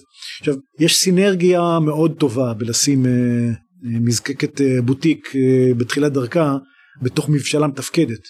כי התשתיות אה, קיימות, חלק גדול מהתשתיות קיים, חוסך המון הוצאות, ואנחנו נדבר על זה בהמשך, אבל הסיבה שאנחנו, כלומר, במ- במהלך המעבר, אנחנו עוברים כדי שאפשר יהיה לקבל נפח ייצור אה, ויאפשר לנו לגדול. כי כרגע אני עובד בעצם אה, לבד כמעט וזה מגביל מאוד את הכמות שאני יכול לעבוד איתה. אז, אז כרגע יש לי אה, שני מכלי תסיסה כלומר הדוד זיקוק הוא של 300 ליטר יש שני מכלי תסיסה פתוחים של 1,000 ליטר תסיסה של שבועיים. אתה משתמש בדוד בעצם פעמיים או שהזיקוק הוא זיקוק אחד? מה זאת אומרת זאת אומרת, פעמיים אתה אה, עושה- אתה עושה אה, אה, ריצת זיקוק אחת שמביאה אותך לחוזק אלכוהולי גבוה או שאתה צריך לעשות double distillation? אה, כן אני, אני עושה double distillation ניסיתי גם לעשות המערכת שלי מאפשרת לא דיברנו על, הזיק, על עמוד זיקוק אבל אה, היא מאפשרת לעשות יש שם גם אה, אופציה של קולונה יש לי מערכת היברידית אחד אתה יכול להרים את אחוז אלכוהול. אני יכול להרים מאוד גבוה אבל המחיר שאתה משלם. המחיר. לא שווה את זה כי זה דורש זה דורש attention צמוד. על כל אתה יודע לחתוך בדיוק במקומות הנכונים זה לא שווה זה אוקיי. קשה מאוד אז בעצם... אז אני עושה אני עובד זיקוק כפול זאת אומרת זיקוק ראשון מוציא באיזה חוזק? זיקוק ראשון אני מוציא בחוזק של אה, בין 45 ל-50 אחוז כן בראשון. בראשון כן אוקיי. ואז השני עולה ל... ואז השני כי לא לא הזכרתי יש לי אה, מקרר עליון אז אני בס, באמצע באמצע הזיקוק הראשון אני כבר מפעיל את המקרר העליון אתה יודע קצת לייצר כדי- ריפלקס. לייצר ריפלקס כדי לקבל אה, טיפה יותר ריכוז גבוה אבל אני אוסף את הכל Mhm. את כל מה שיוצא אוקיי. כנהוג בזיקוק ראשון. כנהוג בזיקוק ראשון Mhm. ומוהל את זה ל-25 אחוז Mhm. ונכנס לזיקוק שני זאת אומרת אתה מגיע בסוף למשהו ה low wines ה... הקלאסי כן כן אוקיי. כן אתה, לא יכול אתה, יודע, אתה לא יכול להכניס 50 אחוז למזקקה לזיקוק שני Mhm. מה שיקרה זה שהעסק יתפוצץ צריך עוד מימון המונים. כן ועוד אה, ולהפעיל את הביטוח חיים אוקיי. אה, אז מורידים את זה ל-25 זה גם מגדיל את ההפרדה וגם הופך את זה- את התהליך לנשלט הרבה יותר Mhm. ואז אני עושה זיקוק אה, שני יש לי שם איזושהי אופציה למין כמו צלחת כזאתי. צלחת כמו בדיוק לא מאוד לצורך העניין? זאת אומרת צלחת ב- ב- באמצע כן באמצע העמוד. אה, יש אה, יש שם כאילו אחרי הבצל יש לי צלחת שם אני מגיע כבר לריכוזים אה, גבוהים זה מתחיל זה יוצא בכיוון כמעט ה-90 אחוז כן. בהתחלה אבל מהר מאוד זה יורד. את השלושה ליטרים הראשונים אני זורק לגמרי אני לא שומר אותם? כן זה לא בראש זה מה שנקרא הטוז קצות האצבעות אוקיי. הציפ, הציפורניים את הציפורניים שגוזרים אוקיי. אז זה זה אני גוזר זורק לפח ומשם אני מתחיל לאסוף ראש ובאזור ה-80 אחוז אני מתחיל לאסוף 80 83 אחוז אני מתחיל לאסוף את הלב? את הלב עד 55 אחוז וואי, זה- שזה מאוד נמוך. כן שזה נמוך כן ואת השאר אני והזנב שאני אוסף אותו אוסף אותו וממשיך הלאה לפעם הבאה. ואתה, כן. אז בעצם החוזק של הניומייק שלך הוא כמה? זהו אז הניו מייק אה, הוא אה, מתקרב ל-70 לאזור ה-70 יוצא. עכשיו אני מוריד אותו. אה, בחביות הראשונות אני הורדתי אותו ל-63 והכנסתי לחבית. אבל עכשיו אני כבר אה, הגעתי למסקנה שאני מוריד אותו דווקא ל-55 זאת אומרת שככה עושים גם בארצות הברית, כן לא? ככה הם עושים בארצות הברית שם יותר נמוך מאשר בסקוטלנד לרוב. כן כן החוזק מילוי יותר נמוך כי אתה, אתה יודע, זה פחות אה, אולי יעיל כי אתה צריך יותר חביות בשביל הנפח אבל אתה מקבל יותר מהעץ ופחות זמן מהמם. אז איכשהו זה, זה מסתדר זאת אומרת שאני אני כנראה החוזק חבית שלי יהיה כבר אה, 55 ב, בהוצאות הבאות זאת אומרת הבקבוק שאני כרגע פה מחזיק שהוא חוזק חבית ושהוא 64 64, כן הוא כבר לא יהיה זה- וזה חוזק חבית שהוא נכנס לחבית באחוז פחות או יותר כזה. כן הבנתי. אז אה, בעצם לצורך העניין אנחנו תכף נדבר גם על המעבר שלך בשביל כן. לגדול אבל כרגע ב setup הקודם לפני המעבר בעצם אה, אה, איך העבודה שלך נראית? זאת אומרת אתה כל יום הולך ומזקק? או, או אה, לא. כמה ליטר אתה מייצר אם אתה יכול לספר. בחודש נגיד? עד עכשיו בעצם אה, אני עבדתי שם לבד לא הצלחנו כלומר לא הצלחנו לממש את הסינרגיה מבחינת היכולת ייצור. למה? כי המבשלת סריגים עצמה יש לה יכולת ייצור מוגבלת מאוד יחסית למה שהם רוצים. הם יש להם מערכת בישול היום של אה, דוד של משינג של 600 ודוד אה, בישול של 1200 זה כלום ומכלים של, 1000, של אה, 1200 הכי גדול והם fully booked בזה ומאוד קשה להם לתת אה, לי אה, capacity מבחינת הייצור וזאת אומרת שהייצור שלי היה מוגבל אה, גם למה שהם יוכלו לתת לי באיזשהו שלב אני אפילו הייתי עושה משינג ב, בתוך הדוד זיקוק עצמו וואלה. כי לא היה אתה יודע רציתי לייצר ולא היה לי אני יודע אני צריך הרי מה זה משינג זה, זה בישול זה סיר בישול גדול אז המזקקה זה גם סיר בישול גדול אז אה, הייתי עושה את זה שזה גם שוב פעם זה מאוד לא יעיל אבל הייתי חייב להתקדם איכשהו אה, ובשבוע הבא אנחנו עוברים למקום החדש המבשל- רק שלך. הוא לא רק שלי בעצם גם המבשלה אה, וגם- גם? וואו. כן כן אוקיי. אז אנחנו עוברים אה, ביחד אנ- אנחנו שותפים. בעצם בתהליך הזה שותפים בחברה מעבירים את זה למקום חדש ושם יש capacity הרבה הרבה הרבה יותר גדול. ושם אפשר יהיה באמת להגיע לקצבי ייצור של, של אתה יודע, תהליך מש אחד יהיה בשביל חבית אחת, זאת אומרת נעשה 2400 ליטר בבישול, נתסיס 2400 ליטר.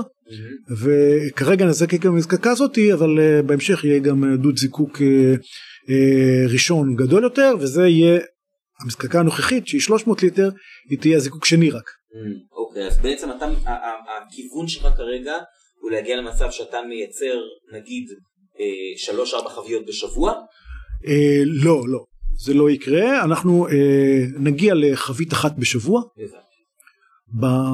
אחרי המעבר mm-hmm. אנחנו נגיע לחבית שאולי אתה יודע אני אופטימי שזה יהיה חבית בשבוע יותר סביר שזה יהיה חבית בשבועיים mm. וזה גם הכל תלוי ב, אתה יודע, בכוח אדם וב, ובאיך יתגלגלו הדברים אבל מה שבטוח זה שאנחנו נעלה בכמעט פי שלוש ארבע ממה שיש כרגע. כן. כרגע אתה עושה משהו כמו חבית בחודש. חבית בחודש במקרה הכי טוב כאשר uh, היו uh, היו כל מיני הפסקות בדרך וכל מיני עניינים ו... זה, אז בעצם כרגע אנחנו עובדים על מספר חוויות בודדות ואנחנו חייבים להמשיך לגדול. ולא שאלתי אותך באיזה חוויות אתה משתמש? זהו אז אה, אני משתמש אה, בחוויות. אתה יודע ברירת המחדל פה בישראל אה, אני משתמש בחוויות מיקבים ישראלים שגמרו את השימוש שלהם אה, למדתי מדיוויד איך לעשות את השריפה מחדש של החביות. כמו בגולני בלק. כמו בגולני בלק וזה החביות שאני משתמש בהן אה, מיקב פלאם, מיקב ריקנטי, מאיפה שאני מצליח, חביות יין אדום, מאיפה שאני מצליח להשיג. ועכשיו אנחנו הולכים להיכנס גם לנושא של חביות אה, לא שרופות. כלומר זה התהליך הבסיס, תהליך הבסיס זה אה, תזקיק שיוצא של השיפון שעובר והתיישן בחביות אה, אה, שרופות. ומשם אחרי תקופה מסוימת אנחנו נתחיל לפצל אותו לחביות יין לעישון, לעישון משני okay. אוקיי. בתוך חביות יין בשביל לתת את, הטעמים okay. אוקיי. השונים. ואז, אז כרגע בעצם אז כרגע כמה, כמה חביות יש לך עכשיו במחסן אם זה משהו שאתה יכול לספר זה נגיד מעניין אחרי כן. כל ה... אחרי כל הסיפור הזה וכל השנים האלה כלומר לא כל השנים כרגע לצערי יש שלוש חביות mm. במחסן שהן מחכות לבקבוק okay. אוקיי. ואנחנו ממשיכים כרגע לבקבק אותם ואני מאוד מקווה שעכשיו אחרי שנעבור למקום החדש זה בעצם נעבור לסקאלה הרבה יותר גדולה כלומר אפשר לראות את, ה, את התהליך הזה כאל עד עכשיו אה, ישבתי בתוך חממה mm-hmm. כאילו בתוך המבשלה ובעצם פיתחנו את התהליך פיתחנו את כל ה, ה, אתה יודע, הביקבוק וה labeling וסגרנו את כל התהליך. בעצם עשינו מה שנקרא בעולם היזמות MVP minimal viable product. כלומר הגעתי למצב שיש מוצר הוא הלך לשוק אני רואה שהשוק מקבל אותו אני רואה שהשוק רוצה אותו וזה הזמן אה, אה, לעלות אה, סקאלה. כי כל זה היה אתה יודע זה היה סימני שאלה גדולים. אז בעצם את ה-proof of concept אה, הוא, הוא עבר ועכשיו שווה בעצם אה, להגדיל את, ה, את, ה, את תהליכי הייצור. אה, כי כל זה קורה באמצע, שים לב, כל זה קורה בפועל בוואן מן שואו עד עכשיו, וזה הולך להשתנות. כשאתה מבקבק חבית, אז בעצם חלקה מבוקבק בחוזק החבית וחלקה ב-46? כן. אין, אין לך חבית אחת שאתה אומר זאת תהיה רק זה או זאת תהיה רק זה? תראה אני בוא נגיד שבשנים הקרובות אנחנו נעבוד ברזולוציה של חביות. כלומר יכול להיות שיהיה חבית מסוימת אולי עכשיו עם ה-55 אני אחליט שבאמת חבית אני אוציא רק אה, רק חוזק 55 או משהו כזה זאת אומרת כל חבית אה, נשקלת לעניינה. והחביות מבובקות בגיל שנתיים קצת יותר. אה, מי אני אני טועם ומתי שהיא מגיעה לפרקה חלק אני כלומר חלקם אני כלומר יש לנו כרגע אולי אה, שתי חביות שאני מייעד אותם לזמנים יותר ארוכים. ואחת שאנחנו מבקבקים כיום אבל הרעיון הוא שכרגע נוכל ליצור מלאי ולהגיע למצב של בקבוקים שונים עכשיו בסופו של דבר השיפון הוא לא צריך יישון ארוך הוא אה, מה שאתה קיבלת ומה שאפילו אני מוציא פה זה שנה וחצי. וואלה. כן. אז אה, אני מתכנן אה, להגיע נניח, אתה יודע, בסצנריו טוב, שנתיים, שלוש, ארבע, חמש, זה יהיה, Mm. אין, אין שום צורך להגיע מעבר לזה. גם, גם במדינת המקור מה שנקרא, רוב הראי מפובק בגילאים האלה. כן. זאת אומרת, אה, ראי נגיד לצורך העניין בן 12 זה לא איזה משהו שיש אותו לא, לא, נכון. באופן קבוע, סדרתי והרבה. אתה, סתם מעניין, כש- כשהתייעצת עם אותם אנשים באותו פורום מזקקים בארצות כן. הברית, אתה התייחסת, או הם התייחסו באיזושהי צורה לאקלים הישראלי, שבסקוטלנד, ההבדל בין סקוטלנד, אירלנד לישראל הוא גדול. בארצות הברית וישראל ההבדל בין האקלימים הוא לא כזה גדול. כן, יש לך את כל המנעד, יש לך את דרום ארצות הברית, המרכז, עובדים בכל המקומות. זה היה עניין או יעצו לך משהו מסוים או מיוחד או שזה... אה, לא, אני, אני פשוט ראיתי מה קורה, הבנתי שזה לא, תראה, א', אין מגבלה חוקית Mhm. לקרוא לזה וויסקי אה, בוויסקי שיפון. אתה יודע, יש את הצורך, אה, ההגדרה שם זה שפשוט זה יהיה תזקיק שעשוי מ-51% ומעלה שיפון, כן. שיושן בחבית עץ אלון, חרוכה אה, אפילו, אני חושב שלגבי לגבי שיפון אין, אין אפילו את ההגדרה של חרוכה חדשה. מבחינתם זה יכול אה, להיכנס לחבית ולצאת ותוכל לקרוא לזה וויסקי. אני חושב שיש אפילו וויסקי שמתגאים שאומרים אה, יושן במשך 12 שניות. כן, יש silver משהו כזה, כן. 21 שניות אני חושב או משהו כזה. אה, כן, כן. גם, גם בתוך השיפון יש rye whiskey ויש straight rye whiskey שאז אתה כבר צריך לעשות שנתיים. כן, כן. אה, ו- ולהזכירך שלפני תקופת ה prohibition הפרקטיקה של היישון לא הייתה משהו אה, של שהיה חובה כלומר היית גומר, גומר לזקק אני לא יודע אם היית מיישן או לא אבל היית התז- מאחסן. היית מאחסן אבל התזקיק היה יוצא מהמזקקה של ג'ורג' וושינגטון בג'ארות של זכוכית לבר אה, וויסקי בעיירה הקרובה כלומר אם היה סביר להניח שאם היית נכנס לברטנדר give me a glass of whiskey היית מקבל אה, נוזל שקוף white dog. כן את ה white dog כן אה, הסקוטים הכניסו את הנושא של הוויסקי הצבעוני שהוא הוא הפך אתה יודע היום אתה אתה לא תמצא לא יקריא נדיר שיש... אה, נדיר שיש איזשהו אה, תזקיק חשבת למכור new make? מישהו פנה אליך בשביל לקנות new make? כאילו, כן יש כל הזמן אה. כן יש אה, מה שאני אה, התנסיתי בו ואני חושב שהוא ילך לכיוון הזה תראה בגלל שאני נמצא במבשלה אז כל הזמן יש אה, קשות מסביב Mhm. אה, ואני, מבש... ואני מזקק אה, מדי פעם אה, אתה יודע יש להם בצ'ים של בירה שמחליטים לפסול אותם מסיבה כזאת או אחרת Mhm. אני- אז מתברר לי שבמערכת שלי הקשות עוברת ממש טוב אוקיי. זאת אומרת היא אתה יודע זה הופך להיות מין סוג של ג'ין על בסיס אה, קשות כזה ו- וזה זה מקבל טעמים מאוד טובים ואני זה, כיוון שאני אנסה לפתח אותו דיוויד עשה איזה שני בצ'ים כזה לדעתי של אה, בירה מזוקקת שהיה לזה ממש ריח של קשות. היה לי כן. פה בבר בזמנו. כן בקורונה. אתה יודע אז, אז שוב פעם זה אתה יודע אתה צריך להיות גיק אולי בשביל לנסות את זה Mhm. אבל אה, כן, זה בהחלט, בהחלט טעם נרכש, כן, אני כן. בתור בן אדם שאני מאוד אוהב בירה ומאוד אוהב וויסקי, דווקא החיבור הזה הוא לפעמים אה, קשה לי, גם בירושלמי בחביות בירה שאני כנראה הבן אדם היחיד בארץ שמאוד לא אוהב את זה. כן אבל אה, אני אגיד לך לי. אני במערכת שלי איכשהו זה עבר אה, שאתה אה, כאילו הטעמים היותר פרחוניים אה, גרניום כזה כל הדברים האלה יותר שולטים Mhm.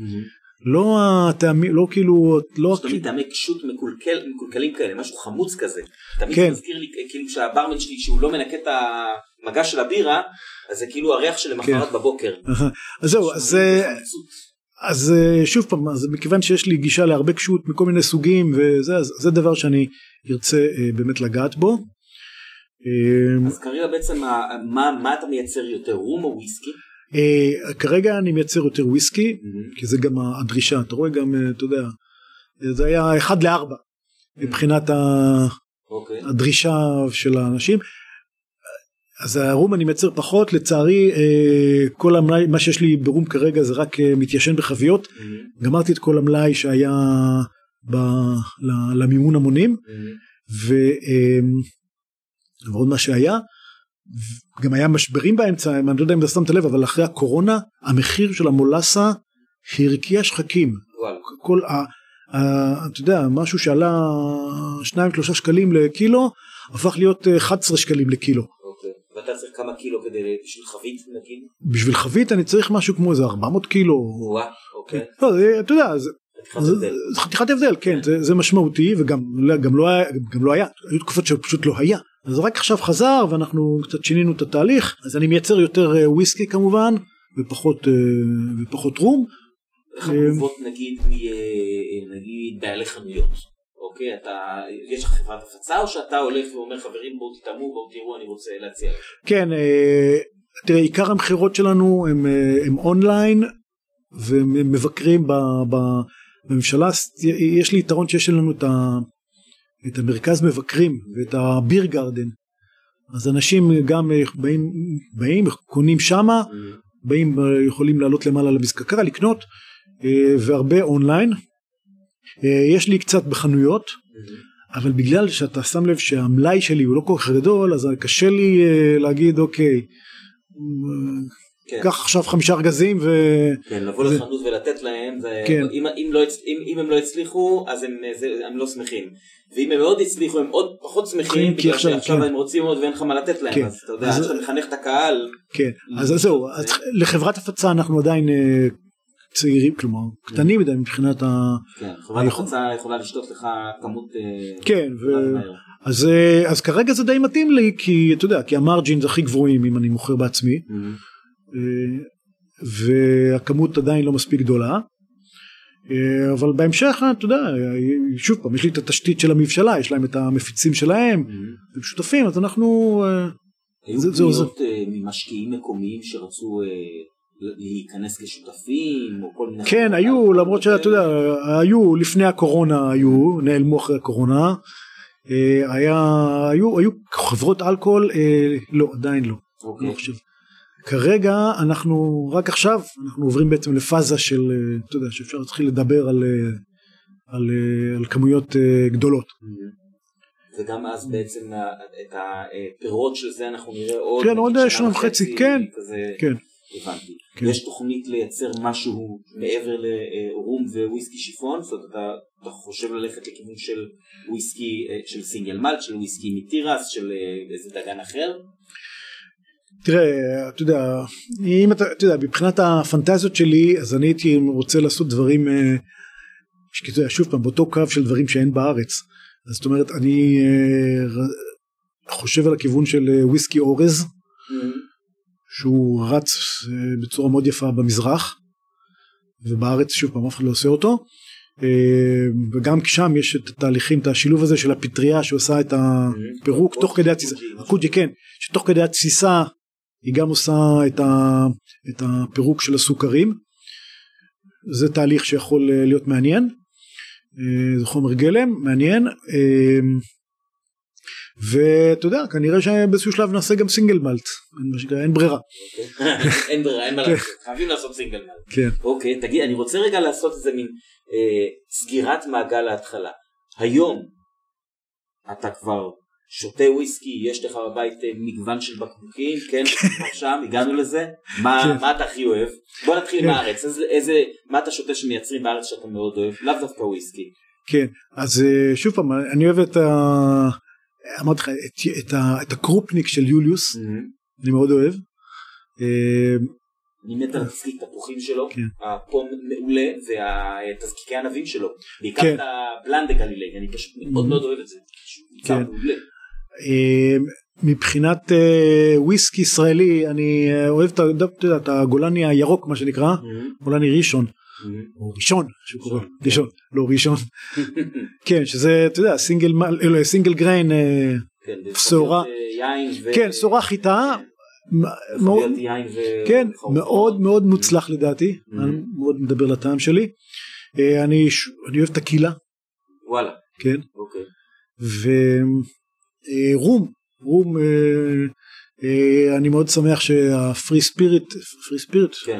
נכון התחילו להביא לארץ דברים מעניינים ויש את הגישה. כן דודי זץ כן, כן, המפדן ומביא אה, אפלטון. את זה, נו, כן, את ה- ובסטיק- נייסון. נייסון, כן. זהו הנייסון אגריקול אני חושב שזה משקה מאוד מאוד מיוחד. הוא כאילו כל כך לא רום, אתה יודע, הוא- אתה שותה אותו לבן, הוא, יש בו טעמים עסבוניים ופרחוניים והוא ממש משהו מאוד מאוד מיוחד.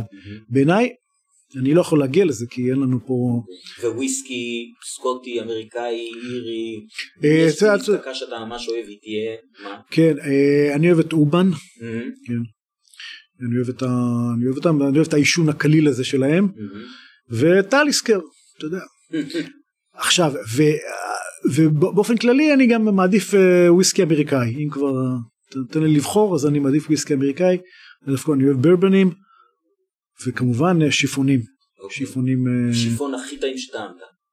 השיפון הכי טעים שטעמתי אלעד אלעד JT, יקיר הפוד, שכבר אלעד התארח כן, בפרק. ו- כן כן הוא באחד הביקורים ה- שלו לארץ כלומר הוא גם הוא אתה יודע הוא בא הפתיע אותי באיזשהו יום שם בא בכלל לא ידעתי מי זה מהמם. אבל הוא אה, הגיע באיזה סיור למזקקה והתחברנו. אה, קשה שלא להתחבר עם. כן, קשה. זה פשוט, אה, אתה כן. אתה המדען, אתה יודע איזה מולקולה זאת, מולקולה שנקשרת להכל. כן כן קשה מאוד לא אה, לאהוב את הבן אדם. קשה מאוד לא להיות הבן אדם כן אז הוא חשף אותי לשיפונים שאני בכלל לא ידעתי שיש כאלה דברים. נו לאופולד אוקיי. אלה שעובדים עם המזקקה עם השלושה צ'יימברים שזה אני לא- ממש לא טעמתי, אני מכיר את ה... אתה מכיר את הסיפור של זה כן אה, זה משהו מאוד מעניין והוויליס זה גם לא מכיר. זה מזקקות בוטיק בארצות הברית שיוצרות אה, שיפונים מדהימים חשבת לעבוד עם אה, אה, חומר גלם אה, אחר? אני לדוגמה גם כן בזכות אלעד אני התוודעתי לזה שקובל מוושינגטון עושים אה, אה, ברבן שמשתמשים בו גם בדוחן למשל. כן בסורגום כאילו יש, יש לך איזה פנטזיה כזאת ללכת על אה, עוד איזשהו חומר גלם? אה, אמרתי לך אורז כן, חוץ מאורז. חוץ מאורז לא, בינתיים לא לא? לא, תשמע. אם מישהו יכול לעשות משהו משיבולת שועל זה כנראה אתה. כן זה. אני יודע אבל אה, כמו סיגל פוט סטילירי שמותר להשתמש קצת בשיבולת שועל.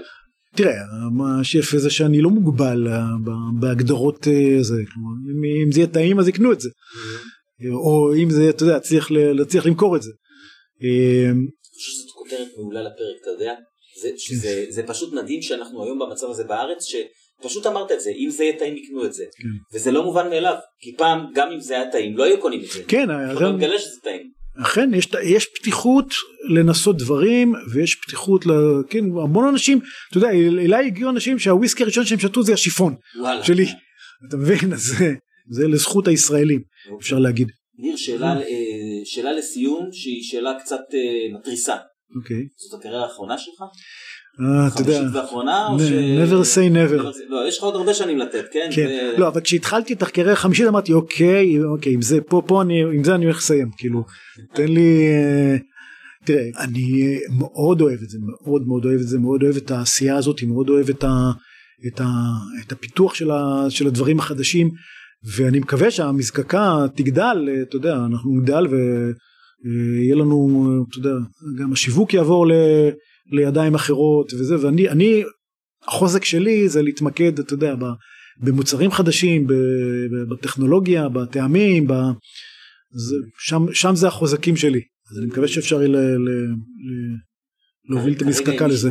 אם כרגע מישהו רוצה לקנות משהו מהמוצרים שלך, זה באתר שלכם? ב- באתר או לבקר אצלנו מהמם. יש ספורדית אה, פה שם בחנויות אם הוא, אם הוא אני מוצא זוכר- זוכר שהבאתי סדנת גלנפידיך במנדלסון השקעות ברעננה ופתאום ראיתי את ה... כן. שם, שזה לא מפתיע כי מנדלסון חנות נהדרת שהוא אוהב להחזיק. כן אז הם קונים אה, כן. אתה יודע אוקיי. אבל אה, אני, אני פחות בחנויות אבל באתר כנסו לאתר שלנו אפשר למצוא כרגע לצערי אין רום אה, הוא מתיישן אבל יש וויסקי. בשני החוזקים? כן בשני אוקיי. החוזקים אני אשאיר את הכתובת של האתר בתיאור כן. של הפרק. וברגע שאתם תסיימו את המעבר אפשר גם יהיה לתאם ביקורים ולבוא. כן כן בטח אולי נעשה אצלך איזה סדנת אה, חוזק חבית או איזה ביקור כן. אה, או משהו כזה. כן יש תראה יש לנו תוכניות גם למרכז מבקרים.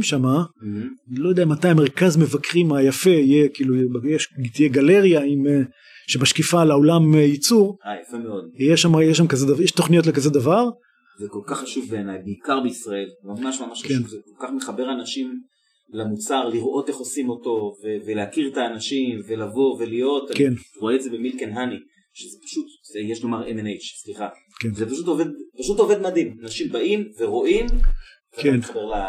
כן, וזה שוב, אז- ובכל הסיפור הזה של הוויסקי זה גם כן, חוץ מהעובדה שאני אוהב לעבוד בידיים ולעשות, להרגיש את הדברים ולפתח אותם, אני גם אוהב את המפגש הזה עם האנשים, אתה מבין?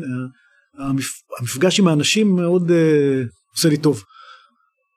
אתה יודע, לדבר על וויסקי, ל- אה, שגם ברגע שהבן אדם שמייצר, גם פוגש את הבן אדם שטועם, כן. היכולת שלך, אתה יודע, בצורה בלתי אמצעית להתרשם ממישהו שטועם את הדברים, היא יכולה, קודם כל זה, אני חושב, אם אני הייתי בנעליים שלך זה היה מאוד מחזק אותי. אתה יודע, אני- אני נהנה מזה על, על דברים שאני לא מייצר, כן? שאני, כן. הטרחה האמיתית שלי זה לריב עם מכון התקנים או מכון היין, ואז אה, להתעסק עם אה, סחיבה של ארגזים. כן.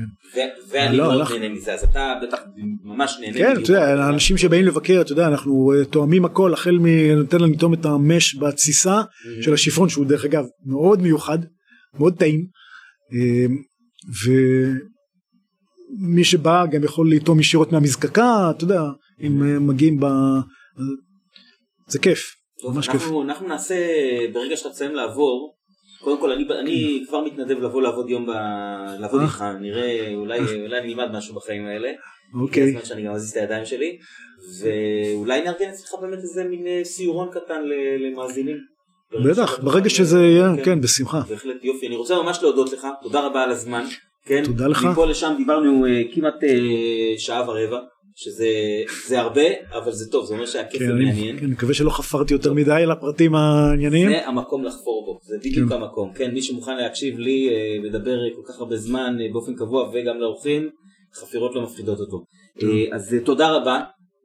תודה לך. ואני אמשיך עם החפירה האישית שלי אחרי זה אה, בשביל המאזינים. חברים וחברות, זה היה פרק 78. ממליץ להזמין מהאתר של ינשוף השיכור את הדעה שלי על הוויסקי כבר שמעתם, אני לא זוכר באיזה פרק זה היה, אבל כבר היה בפינת עומף תואם, אה, אה, שני הסוגים. אה, את הרום לא, לא דיברתי עליו, אבל את הרום טעמתי כבר ומאוד מאוד אהבתי. אה, טעמתי אותו בוויסקלם, באתי לבקר אותך שם. אה, יכול להיות, כן, יצא לך איתו מצום, אה כן. יופי, והיה לי מאוד מאוד טעים. וזהו, ניר, תודה רבה, תודה שבאת. תודה לך. להתראות לכולם. להתראות.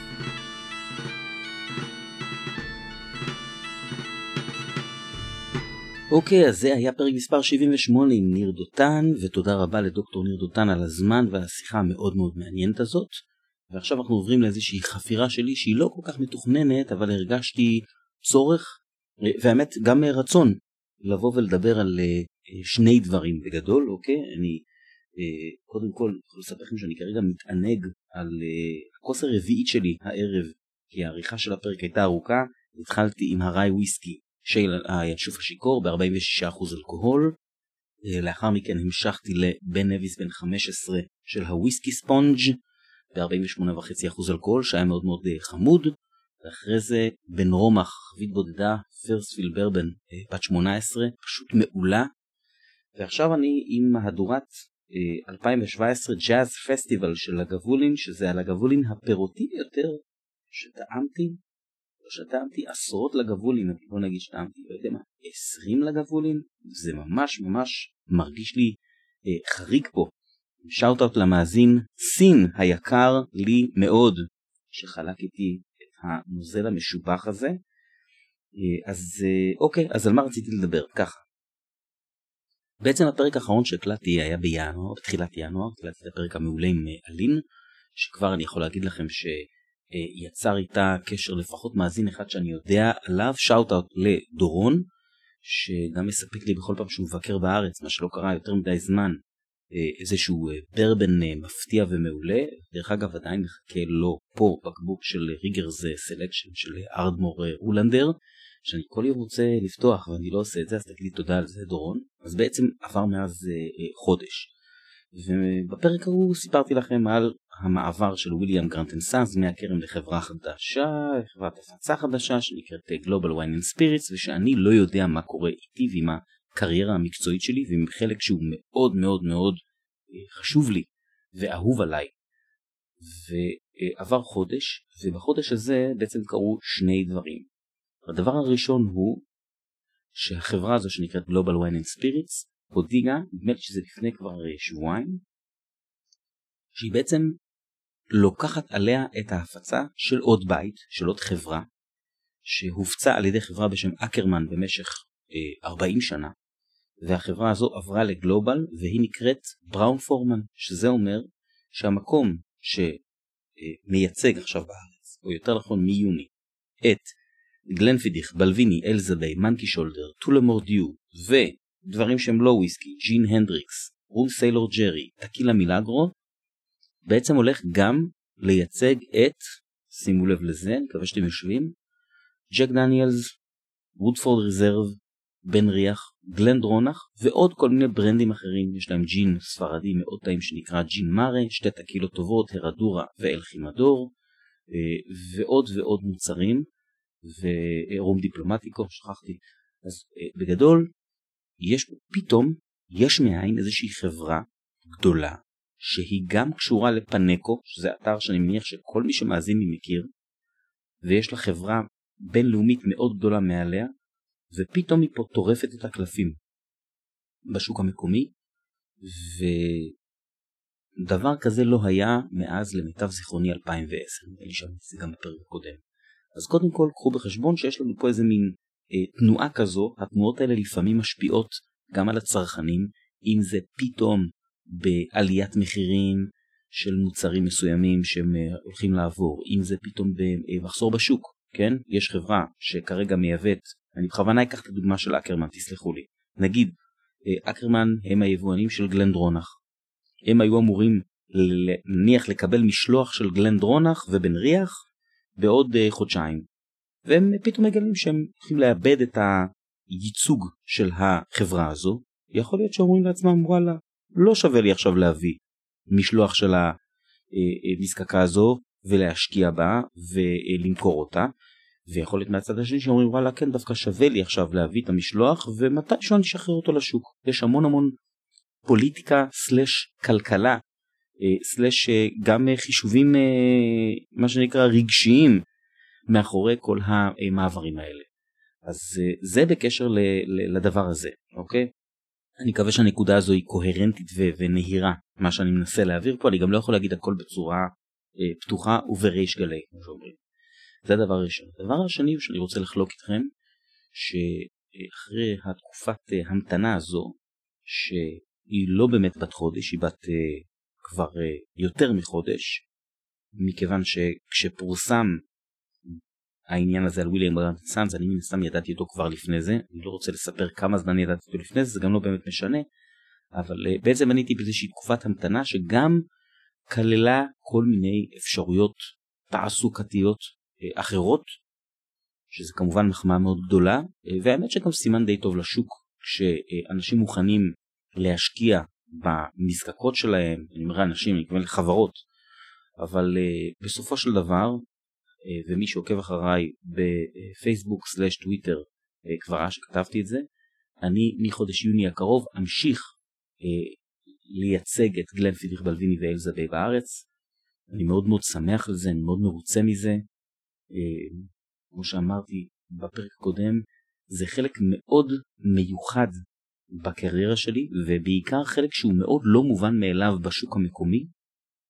ואחרי 22 שנים בתעשייה הזו, אה, ככלל, לא כתעשיית הלילה סלש אירוח, כמובן לא תעשיית הוויסקי, אבל בסופו של דבר התפקיד הזה הוא יותר תפקיד ייצוגי, הדרכתי, אה, תפקיד של אה, איש תוכן, גם כתוב, גם נקרא לזה תוכן מדובר, אוקיי? זה לא שאני מקבל החלטות כלכליות, וזה לא שאני הולך ומייצר את הוויסקי בעצמי, אוקיי? אני כן צריך להבין מה המזקקה עושה, מה היא רוצה לעשות, מה היא רוצה להיות, ולספר על מה מיוחד בה, אני חושב שיש הרבה מיוחד בה, ואני אמשיך לעשות את זה, זה פשוט כיף אדיר, אני מאוד מאוד שמח שזה בסופו של דבר אה, מה שקרה, אני חושב ש... אה, אני יכול להגיד לכם שעבורי זה מאוד לא מובן מאליו, שאני ממשיך לעשות את זה גם עם חברה חדשה, כי מתוך כמאה שגרירים שעובדים בוויליאם קרמפטן סארנס, יש רק 20 שגרירים לגלנפידיך. זאת אומרת, יש שגרירי גלנפידיך, יש שגרירי בלוויני ושגרירים של הנדריקס ומנקי שולדר ועוד ועוד. אה, אני הבן אדם היחיד שעושה את זה במשרה חלקית. אה, וכתוצאה מזה גם הבן אדם היחיד שהולך ומדבר גם על נזקקות אחרות. ביום שישי הקרוב אני הולך להנחות סדנה בצ'ירס באלנבי על לוחלומונד.